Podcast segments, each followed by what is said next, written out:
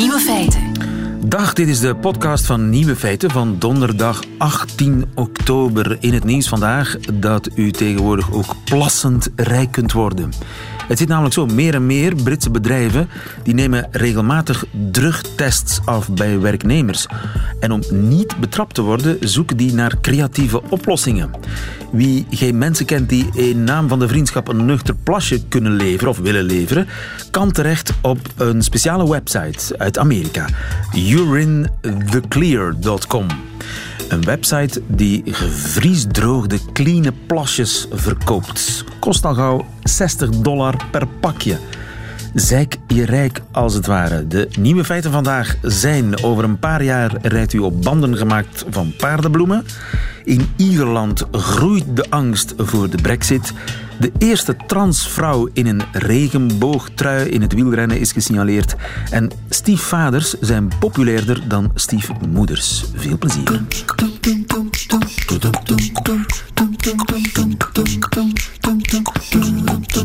Nieuwe feiten. The summer is over, de zomer is voorbij. En zo lijkt het zeker ook in Ierland. In overdrachtelijke betekenis dan, eh, waar de zomer eh, op zijn einde lijkt te lopen. Want ze zijn daar doodsbang voor de duistere dingen die gaan komen. Mario Daneels, goedemiddag. Goedemiddag, Steven. Mario, jij bent onze man in uh, Ierland.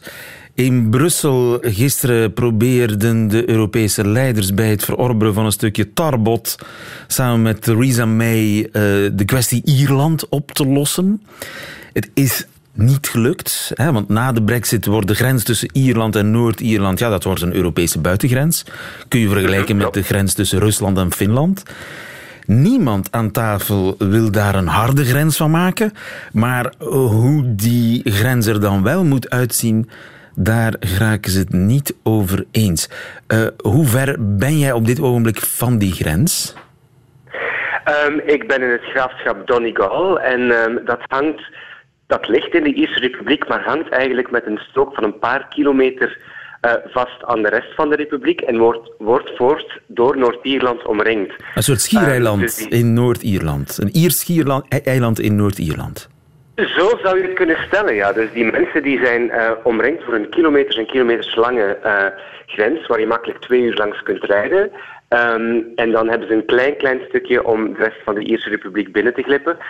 Um, ja, er wordt hier overal in de pub op straat voortdurend over gepraat, want de, de gevolgen voor die mensen, voor hun dagelijks leven, worden hier straks echt enorm. Ja, dat zal wel, want uh, die grens, merk je daar vandaag iets van? Nee, die is volledig onzichtbaar. Uh, dat was een voorwaarde van het vredesakkoord twintig jaar geleden, dat alle grensposten, alle Britse militaire constructies werden neergehaald. Dus het enige wat je merkt, um, is dat de verkeersborden veranderen um, en dat ja, dat het gsm-netwerk overslaat. Ja. Um, en dat is eigenlijk alles. Een beetje vergelijkbaar met de grens tussen Vlaanderen en Nederland. Terwijl misschien ja, het, het verschil in landschap en, en stijl van bouwen groter is tussen Vlaanderen en Nederland dan tussen Ierland en Noord-Ierland. Je merkt echt aan niks dat je in een ander land uh, officieel terechtkomt. En uh, zijn er nee. veel contacten over de grens? Zeer veel. Uh, een voorbeeld dat hier vaak wordt aangehaald bijvoorbeeld is melk. Uh, dus langs weerszijden van de, de Ierse grens is het vooral landbouwgebied. En melk gaat 27 keer de grens over en weer van de koe tot, een, tot in de winkel. Dus dat is een proces waarbij beide kanten van het eiland zeer veel uh, gebruik maken van elkaars technologie. Um, 27 dus, keer, dat vind ik wel heel veel. Dat lijkt wel of die, of, die, of die koe graast in het ene land, gemolken wordt in het andere land. Uh, die melk wordt dan gepasteuriseerd in weer een ander land. En, en, dus die melk gaat 27 keer over die grens heen. Dat zal wat worden als dat uh, inderdaad bij een no-deal Brexit een harde grens wordt. Dat is voorbij. Ja, absoluut. Absoluut. Er zijn nu al bedrijven die op de fles zijn gegaan daardoor, omdat ze geen investeerders meer vinden. Het heeft ook zeer menselijk, want bijvoorbeeld in Donegal, waar ik nu ben, het dichtstbijzijnde ziekenhuis is in Derry, uh, de tweede grootste stad van Noord-Ierland, die vlak op de grens ligt. Dus mensen die hier in Donegal met spoed naar het ziekenhuis moeten, of die ziek worden, die gaan naar Derry. um, in plaats van twee uur verder, zuidelijker te moeten rijden naar het dichtstbijzijnde ziekenhuis in de Republiek. Dat kan straks niet meer. Dus dat kan echt nog drama's gaan opleveren. Ja, ja. En uh, familie, vrienden, uh, een huis, werk hebben over de grens, dat, dat komt heel vaak voor op dit moment. Absoluut. Er zijn mensen die in de Republiek wonen um, en die vijf minuutjes verder uh, noordelijker werken en, en omgekeerd. Dus die mensen stappen s morgens in de wagen, rijden vijf minuten de grens over en gaan naar het werk en komen s'avonds terug. Um, zeer veel katholieke Zuid-Ieren hebben een, een weekendhuis, um, net over de grens in de Republiek. Um, en, en, uiteraard familie. studenten ook, die uh, vanuit Dublin naar Belfast gaan studeren om aan hun ouders te ontsnappen, of omgekeerd, die naar Dublin komen uh, vanuit Belfast of Derry. Dus economisch betekent een harde grens, als die er komt, een ware ramp. Dat is een catastrofe. Um, champignons en Ierse runs bijvoorbeeld zijn zeer gegeerde export, exportproducten uit Ierland, die nu via koelwagens over het uh, Britse land hè, makkelijk tot in uh, de Europe Europese Unie via Frankrijk geraken. Nu zouden die um, ofwel 24 uur op een boot naar Frankrijk moeten, ofwel vast komen te staan aan douaneposten in Groot-Brittannië, waardoor zowel die champignons als dat rundvlees niet meer vers tot in Europa zouden geraken. Um, dus inderdaad, de bedrijven waar ik het net over had, vooral die champignonkwekerijen, daar zijn er al meerdere van uh, gesloten de afgelopen twee ja, jaar. Dus nu al anticiperend op die grens die er ja, misschien wel, misschien niet, maar uh, hoe langer en hoe meer wordt duidelijk dat, dat die grens er toch komt. Anticiperend daarop gaan al uh, mensen failliet eigenlijk.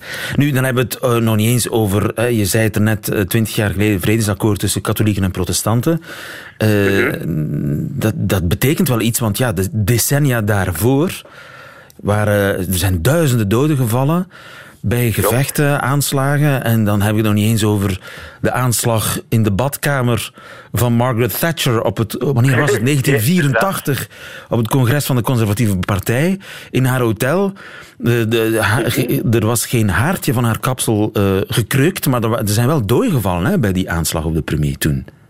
Dat was ook Ira. Ja, acht, acht geloof ik, waaronder uh, een lid van haar regering, inderdaad. Um, er zijn ook heel, ja, er zijn heel veel gruwelijkheden uh, gebeurd in die 30 jaar uh, aan bloed vergieten. Um, nu, twintig jaar later is die vrede nog altijd fragiel. Ik bedoel, Noord-Ierland is van de voorpagina's verdwenen, omdat er geen uh, wapens meer worden gevuurd of bommen meer worden gelegd. Maar die tegenstellingen, die spanningen tussen katholieken en protestanten, die zijn echt nog niet afgezwakt. Ja, ja. Weet iedereen van iedereen wat die is, katholiek of protestant? Ja, ja, absoluut. Uh, ze wonen nog steeds in um, verschillende buurten. De vredesmuren in Belfast zijn langer en hoger dan uh, tijdens de oorlog. Dus dat zijn muren letterlijk die wijken scheiden, die mensen ervan moeten weerhouden om stenen en flessen naar elkaar uh, te gooien. Um, het is nog steeds een zeer sectarische maatschappij die afgezonderd van elkaar leeft de tegenstellingen, de spanningen, de vooroordelen ook vooral, um, tussen katholieken en protestanten bestaan nog. Dus um, ja, er is heel weinig contact tussen de gemeenschappen.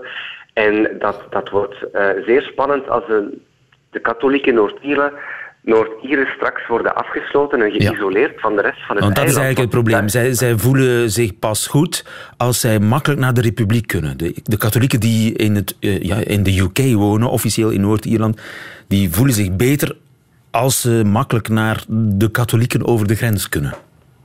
Ja, zij zien Ierland als één land, um, zonder Noord en Zuid. Dus um, als, als, een, als een geheel. Um, en daar zou het eigenlijk ook naar kunnen gaan in de komende zeg maar vijf tot tien jaar, want er wordt toch steeds harder uh, en meer net opgepraat over een referendum over de vereniging van Ierland. Iets wat voor het Brexit-referendum uh, nooit ter sprake kwam in de politiek. Maar uh, waar alle partijen in Dublin nu toch over beginnen te praten van kijk... Zelfs de protestanten? De gematigde protestanten, um, er zijn er die op bijeenkomsten over de brexit in Noord-Ierland en parochiezalen en weet ik veel.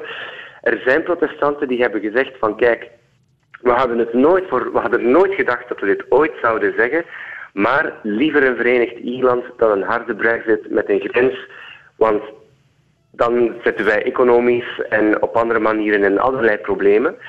Dus het zou in de komende, um, de komende jaren, als die brexit een realiteit is en mensen begint te dagen wat het economisch voor ze doet, um, dat, dat er toch veel protestanten hun mening zouden kunnen veranderen en, en zeggen van kijk, misschien is een Verenigd Ierland en lidmaatschap van de Europese Unie. Het minste kwaad. Uh, want dat zou, het minste kwaad, ja. inderdaad.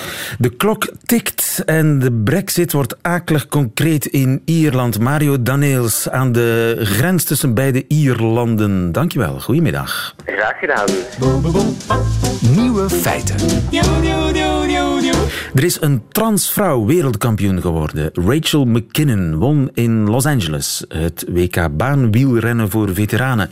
Het is eh, de eerste ja, de eerste regenboogtrui, zeg maar, ooit voor een vrouw die als man werd geboren. Felicitaties alom, maar niet van de vrouw die derde werd. Die noemt de uitslag unfair. Hans van de Wegen, goedemiddag. Goedemiddag. Sportjournalist. Hans, uh, een foto zegt meer dan duizend woorden. Hè? Heb, jij, heb jij de foto gezien van het erepodium? Uh, ja, ja, ja, ja, ze valt op, hè. Rachel valt ze op. Ze valt op is wel het minste wat je kunt zeggen. Het is een hele kloeke dame, de winnares. Ze is heel, ze is heel lang in elk geval. Uh, hele forse benen. En ja, en dan vraag je je af, ook het nummer waarin ze heeft gewonnen, de 500 meter sprint, of ze daar niet een klein beetje voordeel heeft gehaald uit haar vorige bestaan als man natuurlijk. Dat ja, is, uh... Haar heupen zitten ongeveer op borsthoogte van haar concurrenten. Die uh, op Twitter inderdaad ook uh, furieus uh, reageert. Die, die vindt dat, dat het niet eerlijk is. Nu, wat zijn de regels eigenlijk in deze? Mag een transvrouw meedoen bij de vrouwen? Ja. ze moet gewoon zeggen dat ze vrouw is. Ze moet niet meer, dus hoeft niet de penis hoeft er niet af te zijn om maar heel plastisch uit te drukken. Maar moet wel een jaar lang ehm, hebben bewezen dat ze onder een bepaalde testosteronwaarde zijn gebleven. 10 uh, ehm, nanomol is dat. Uh, en die 10 nanomol, goed, ja, de mannen hebben uh, bijna minimaal 9. De laagste man zit op 9, dus die 10 is eigenlijk zit ongeveer in de buurt van de laagste mannen. Dat is al een groot probleem. Zij aanvaardt dat niet, Rachel McKinnon. En zij is filosofe. En daar heeft het natuurlijk ook mee te maken. Zij bekijkt het vanuit de mensenrechten. Ze zegt, ja, ik ben een vrouw. Uh, jullie hebben geen zaken met mijn hormonen. Uh, ik zeg gewoon dat ik met de vrouwen meedoe. Ja, ja. Maar, maar voor alle duidelijkheid, zaten haar testosteronwaarden boven de toegelaten... Nee, nee, die zaten, nee, die zaten eronder, denk ik. Ik bedoel, ik heb die ja. niet gezien, maar anders had ze niet mogen meedoen, want het was volgens de UCI-regels. Maar dat is natuurlijk een heel tricky uh, business, want in krachtsporten en, en met anabole steroïden en testosteron zijn, is eigenlijk de, de, het origine van anabole steroïden, spierversterkende middelen, is gebleken dat een, een blootstelling aan anabole steroïden al gedurende lange tijd heeft een verlengd effect. Hè. Ja. Dus uh, in haar geval natuurlijk, uh, heeft zij natuurlijk nog die spiermassa over van, van van man zijn. En haar testosteronniveau zal nu waarschijnlijk wel laag genoeg zijn. Maar, waar, uh, en over een paar jaar zal ze waarschijnlijk ook wel wat spier hebben, uh, hebben afgestaan. Maar blijkbaar, als je haar nu nog ziet, is het inderdaad wel een heel erg gespierde vrouw. Nu, er zijn heel erg gespierde vrouwen. Maar zij komt van, van de mannelijke status naar de vrouwelijke status. En, en dan kan ik me inbeelden dat mensen daar problemen... Uh, dus je kunt haar eigenlijk gelijk schakelen met een vrouw die jarenlang testosteron geslikt heeft, anabole steroïden geslikt heeft. Ja, je zou haar kunnen gelijk schakelen met een vrouw die zich jarenlang heeft gedopeerd en die nu ineens clean is op alle tests. Dat is heel beledigend voor die transgender, want ik, niemand doet dat voor zijn lol, uh, veranderen van geslacht. Dus uiteindelijk moeten we daar heel voorzichtig mee omgaan.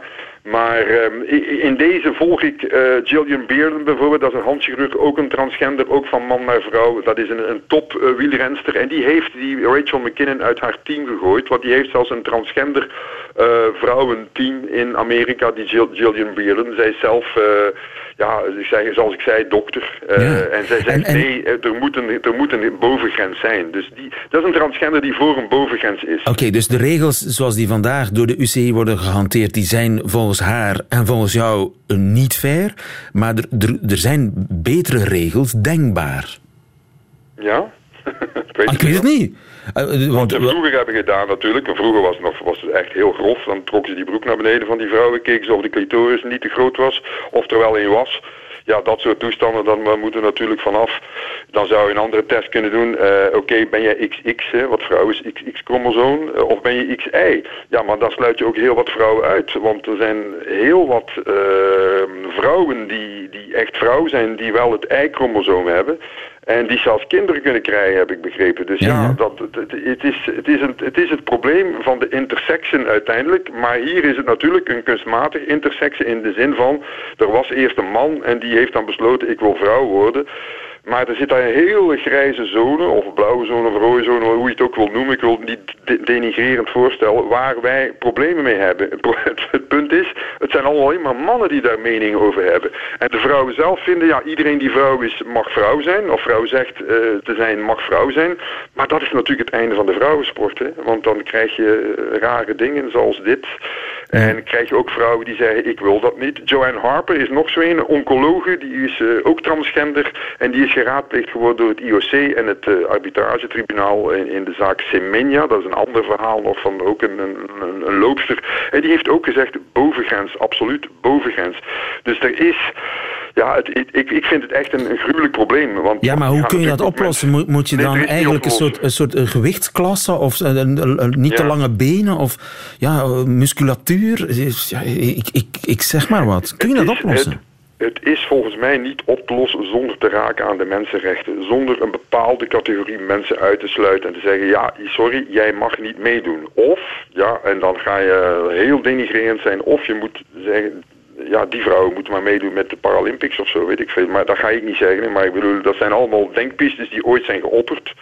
Ik, uh, we, zitten, we zitten hier met een gigantisch probleem dat eigenlijk alleen maar kan opgelost worden door te zeggen... we maken één categorie de mensen doen aan sport. Maar dan is het natuurlijk het einde van de vrouwensport. Want er is geen enkele vrouw die van een man kan winnen. Dus, uh, dat is ook geen oplossing, denk ik, hè? Ook niet echt een oplossing, nee. Dan, gaan we helemaal... Dus we eh, stellen, we stellen in dit geval een onoplosbaar probleem vast. En dat is ook al iets een onoplosbaar probleem. Maar zoals de meeste mensen al zeggen, er is niemand die voor zijn plezier uh, vrouw wordt en dan gewoon niet geen hormoontherapie gaat, gaat volgen. Want die wil natuurlijk allemaal borsten ontwikkelen. Dus uiteindelijk zal dat probleem zichzelf, zichzelf wel oplossen. Maar in de in die, net na die transitiefase uh, kan er zich wel een probleem stellen. En uh, dat kunnen we zien aan het erepodium, waar die wel heel erg mannelijke Rachel McKinnon het heeft gehaald. Uh, Hans van de Wegen, dankjewel. Goedemiddag. Graag gedaan. De Sagrada Familia in Barcelona, dat iconische kerkgebouw, heeft vandaag eindelijk een bouwvergunning gekregen. En dat mocht wel na 130 jaar. Burgemeester Ada Colau van Barcelona die heeft eh, met de kerk een akkoord gesloten dat de bouw van het architectonisch uitzonderlijke bouwwerk uh, ja, regulariseert. Ze spreken vandaag van een historische dag voor Barcelona. De kerk betaalt voor de vergunning voor de komende 10 jaar verspreidt 33, nee 36 miljoen euro aan de stad. Dat geld gaat naar de verbetering van het openbaar vervoer rond de basiliek. Die is ontworpen door Antoni Gaudi. Uh, die stierf in 1926. De eerste steen van de kerk werd dus gelegd in 1882. Sindsdien heeft ze altijd uh, in de stijgers gestaan. Volgens de jongste plannen moet de kerk tegen 2026 af zijn. We kijken er zo intens naar uit. Lieven van den Houten. Radio 1. Over een paar jaar rijdt u misschien op banden die gemaakt zijn van paardenbloemen. Goedemiddag, Ingrid van der Meer. Goedemiddag. Van de Wageningen Universiteit in Nederland, coördinator ook van een groot rubberproject. Het gaat echt gebeuren, hè? Het is geen theorie meer. Nee, um, dit project heeft echt laten zien dat uh, ja, het mogelijk is om op uh, banden van paardenbloemenrubber te rijden. En niet alleen dat, we kunnen ook echt uh, van de wilde plant, de Russische paardenbloem, een gewas maken. En dat kan op grote schaal ook? En dat kan op grote schaal. Het is ook al op grote schaal geteeld binnen dit project, onder andere in, in België. Um, en ook op grote schaal is rubber geëxtraheerd uit de wortels. En daar zijn ook banden van gemaakt, ehm, autobanden. En die zijn bijvoorbeeld getest op sneeuw en ijs in uh, Nieuw-Zeeland. Dus jullie zijn er al een hele tijd mee bezig. En uh, je haalt de rubber uit de wortels van een speciale paardenbloem. Ja, het is niet de gewone paardenbloem die iedereen uh, waarschijnlijk in zijn tuin wel kan hebben. Maar het is de Russische paardenbloem. Die, komt, die groeit alleen op een bepaald gebied in Kazachstan en Kyrgyzstan. En die heeft in zijn wortels een rubber dat, gebruikt, dat goed genoeg is en dat gebruikt kan worden voor autobanden en vliegtuigbanden. En is dat een Nederlandse uitvinding dat dat kan? Nee, um, allereerst is dit een EU-project waar heel veel Europese partners aan meedoen. Maar het is al in de Tweede Wereldoorlog heeft men al gekeken naar uh, andere bronnen van natuurrubber dan de rubberboom, waar nu de natuurrubber vandaan komt. Want ja, het was oorlog, dus dan kon je maar beter zelf je eigen rubber maken. Ja, en het rubber kon niet geïmporteerd worden. Dat wordt nu in Zuidoost-Azië geteeld. En uh, ja, de import was toen uh, niet mogelijk. Dus vandaar dat inderdaad heel veel landen, Duitsland, Rusland, Amerika, op zoek gingen naar andere bronnen voor natuurrubber. En nu wordt dat weer interessant. Waarom eigenlijk? Is er een probleem met de huidige rubberleveranciers? Um, er zijn inderdaad wel problemen. Uh, allereerst is er steeds meer rubber nodig, natuurrubber nodig. Er worden steeds meer banden gemaakt. Um, en daarnaast is er ook een uh, schimmelinfectie die kan toeslaan bij de rubberbomen in Zuidoost-Azië. En dat is eerder gebeurd in uh, Zuid-Amerika. En daar zijn plantages ook helemaal niet meer mogelijk. En als diezelfde schimmel ook in Zuidoost-Azië zou komen, dan uh, hebben we echt een heel groot probleem. Want ja. natuurrubber is noodzakelijk. Dus die Europese natuurrubber die komt geen dag te vroeg. Of misschien die komt wel een beetje vroeg, maar beter te vroeg dan te laat. Ik kan me voorstellen dat je hectare en hectare bloemen nodig hebt voor één band. Of voor vijf banden. Ja, nou dat valt dus wel mee. Um, dat is wel een onderdeel geweest van dit project. Uh, dus er is naar veredeling gekeken en naar de agronomie. Dus hoe kan je die planten telen? En op dit moment zouden we uitkomen op zo'n 500 kilo rubber per hectare per jaar. Uh, dus er zijn nog stappen te maken, want het liefst willen we naar zo'n 700 of 900 kilo toe. En dan is het ook echt economisch te doen om uh, de paardenbloem, de Russische paardenbloem, te gebruiken voor de productie van rubber. Ja. En in België zijn er ook proefplantages op dit ogenblik. Ja. Waar staan ja, die of waar liggen bij die? Bij het ILFO, um, in, in Melle bijvoorbeeld, Juist, zijn er plantages geweest. Ja. Ja, ja. En wanneer rolt die eerste paardenbloemband van de band, als het ware? Wanneer ligt die in de winkel? Um, dat is moeilijk in te schatten, want uiteindelijk moeten de, de bandenbedrijven moeten ermee aan de slag gaan. En er moeten genoeg boeren zijn die de Russische paardenbloem willen telen. Maar wij schatten in, als we nu kijken wat er allemaal al ligt aan protocollen en methodes, dat dat toch wel binnen vijf tot tien jaar. Binnen vijf tot tien jaar. Een uh, volledige ja. omschakeling. En dan rijden we op paardenbloembanden. Ik kijk er naar uit. Ingrid van der Meer, dankjewel. Goedemiddag. Alsjeblieft. Dag, tot ziens. Radio 1. Nieuwe feiten.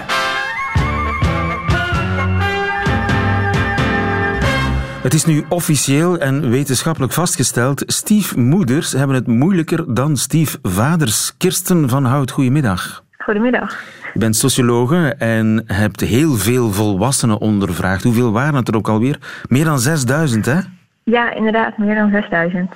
Meer dan 6000 mensen geboren in de jaren 70 en 80 heb jij ondervraagd. Wat heb je hen gevraagd? Het waren mensen die bij één ouder zijn opgegroeid, hè? Ja, dat klopt. Uh, niet al deze 6000 mensen. Uh, we, hebben, we hebben een grotere groep die inderdaad met één ouder zijn opgegroeid. Um, en we hebben hen een vragenlijst voorgelegd over de jeugd. Dus um, hoe de situatie was toen zij opgroeiden.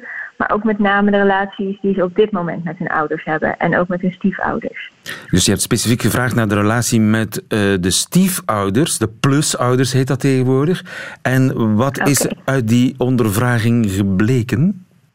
Daaruit bleek dat uh, deze ja, nu volwassen kinderen vaker hun stiefvader als hun echte vader zien dan ze hun stiefmoeder als hun echte moeder zien. En hoeveel van de ondervraagden zien hun stiefvader als echte vader? Uh, 44 procent. Dus een kleine helft, dat is veel. Ja, dat is, uh, dat is zeker veel.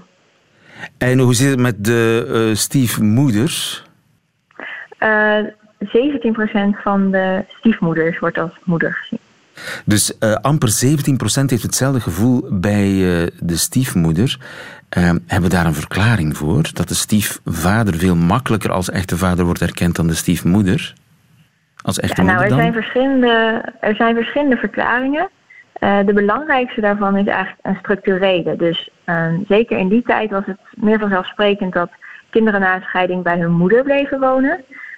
Waardoor ze automatisch ook vaker met hun stiefvader woonden. Um, de, de vader, de biologische vader daarentegen was vaak meer op afstand. Uh, en dus ook de stiefmoeder. Dus ja, je, kunt je voorstellen dat uh, als uh, ja, de vader en de stiefmoeder zeg, incidenteel gezien worden, dat je daar ook minder snel een band mee kunt opbouwen. Ja, ja. en, en van, we, vandaag de dag wordt er meer heen en weer gereisd misschien. En is het contact ja. wat makkelijker en wat frequenter met de stiefmoeder.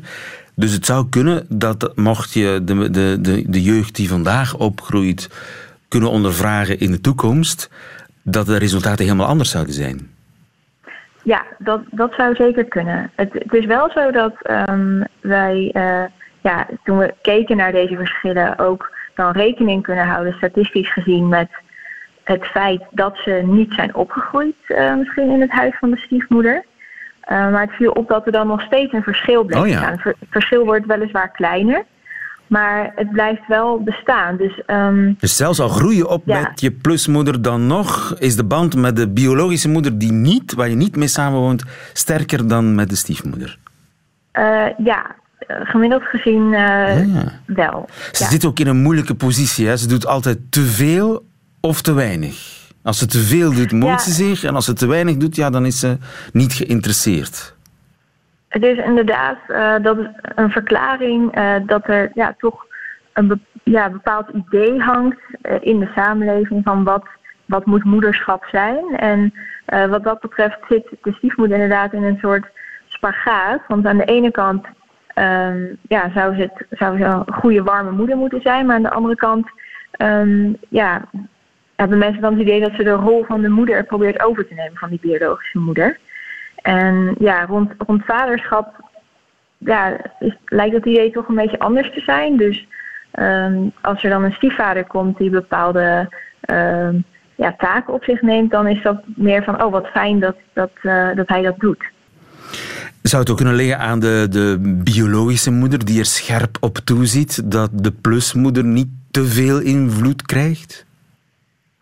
Ja, wij, kunnen dat niet direct bewijzen met, met onze data, maar dat is zeker een idee dat leeft. Dus dat de biologische moeder gewoon een hele sterke rol heeft in ja, hoe die verschillende ouderfiguren uh, zich gedragen in het leven van dat kind.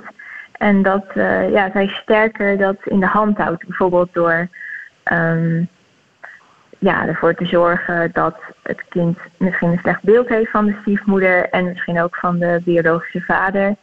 Uh, maar ook door zelf vaak uh, een bepaalde rol op zich te nemen. Ik heb bijvoorbeeld gekeken naar um, hulp die ouders en stiefouders aan hun kind geven. Dus dan kun je bijvoorbeeld denken aan dat ze passen op de kleinkinderen of dat ze garant staan voor een hypotheek.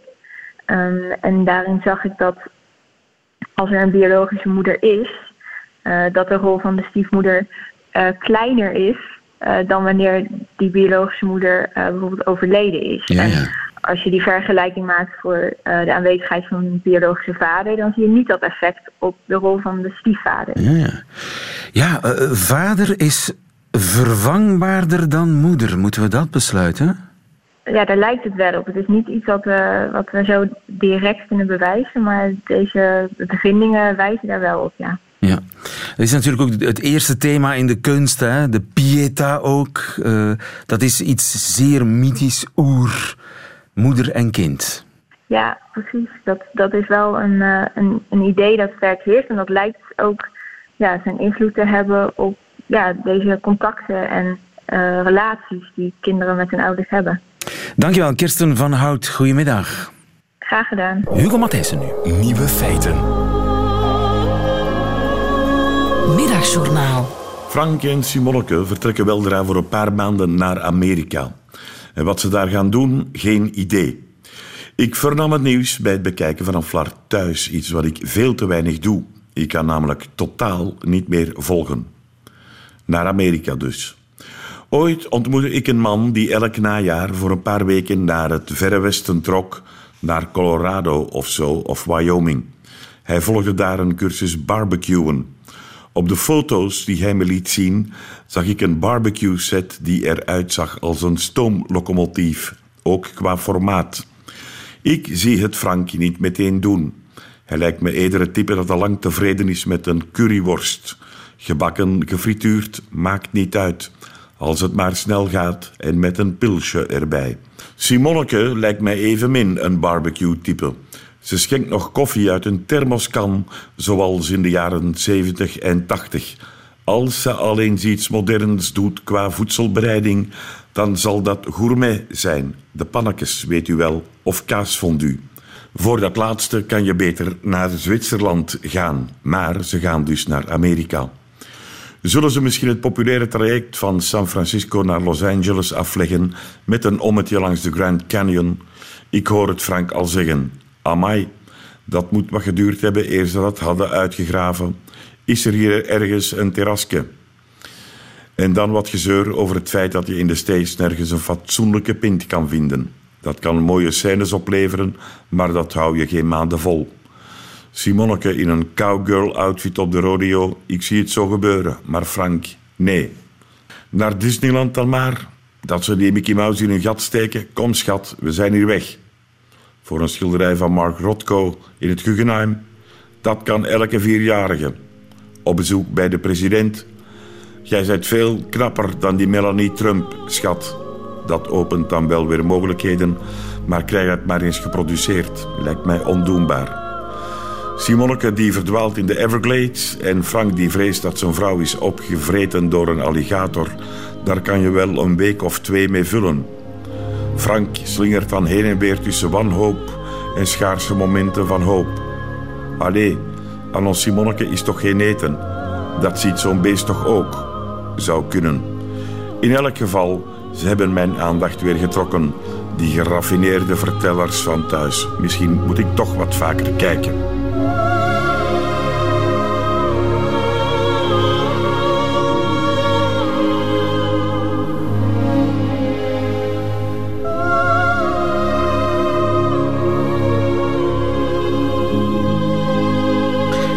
Het middagjournaal met Hugo Matthijssen. Meteen het einde van deze podcast. U vindt er nog veel meer op radio1.be en op alle gebruikelijke podcastkanalen. Tot volgende keer.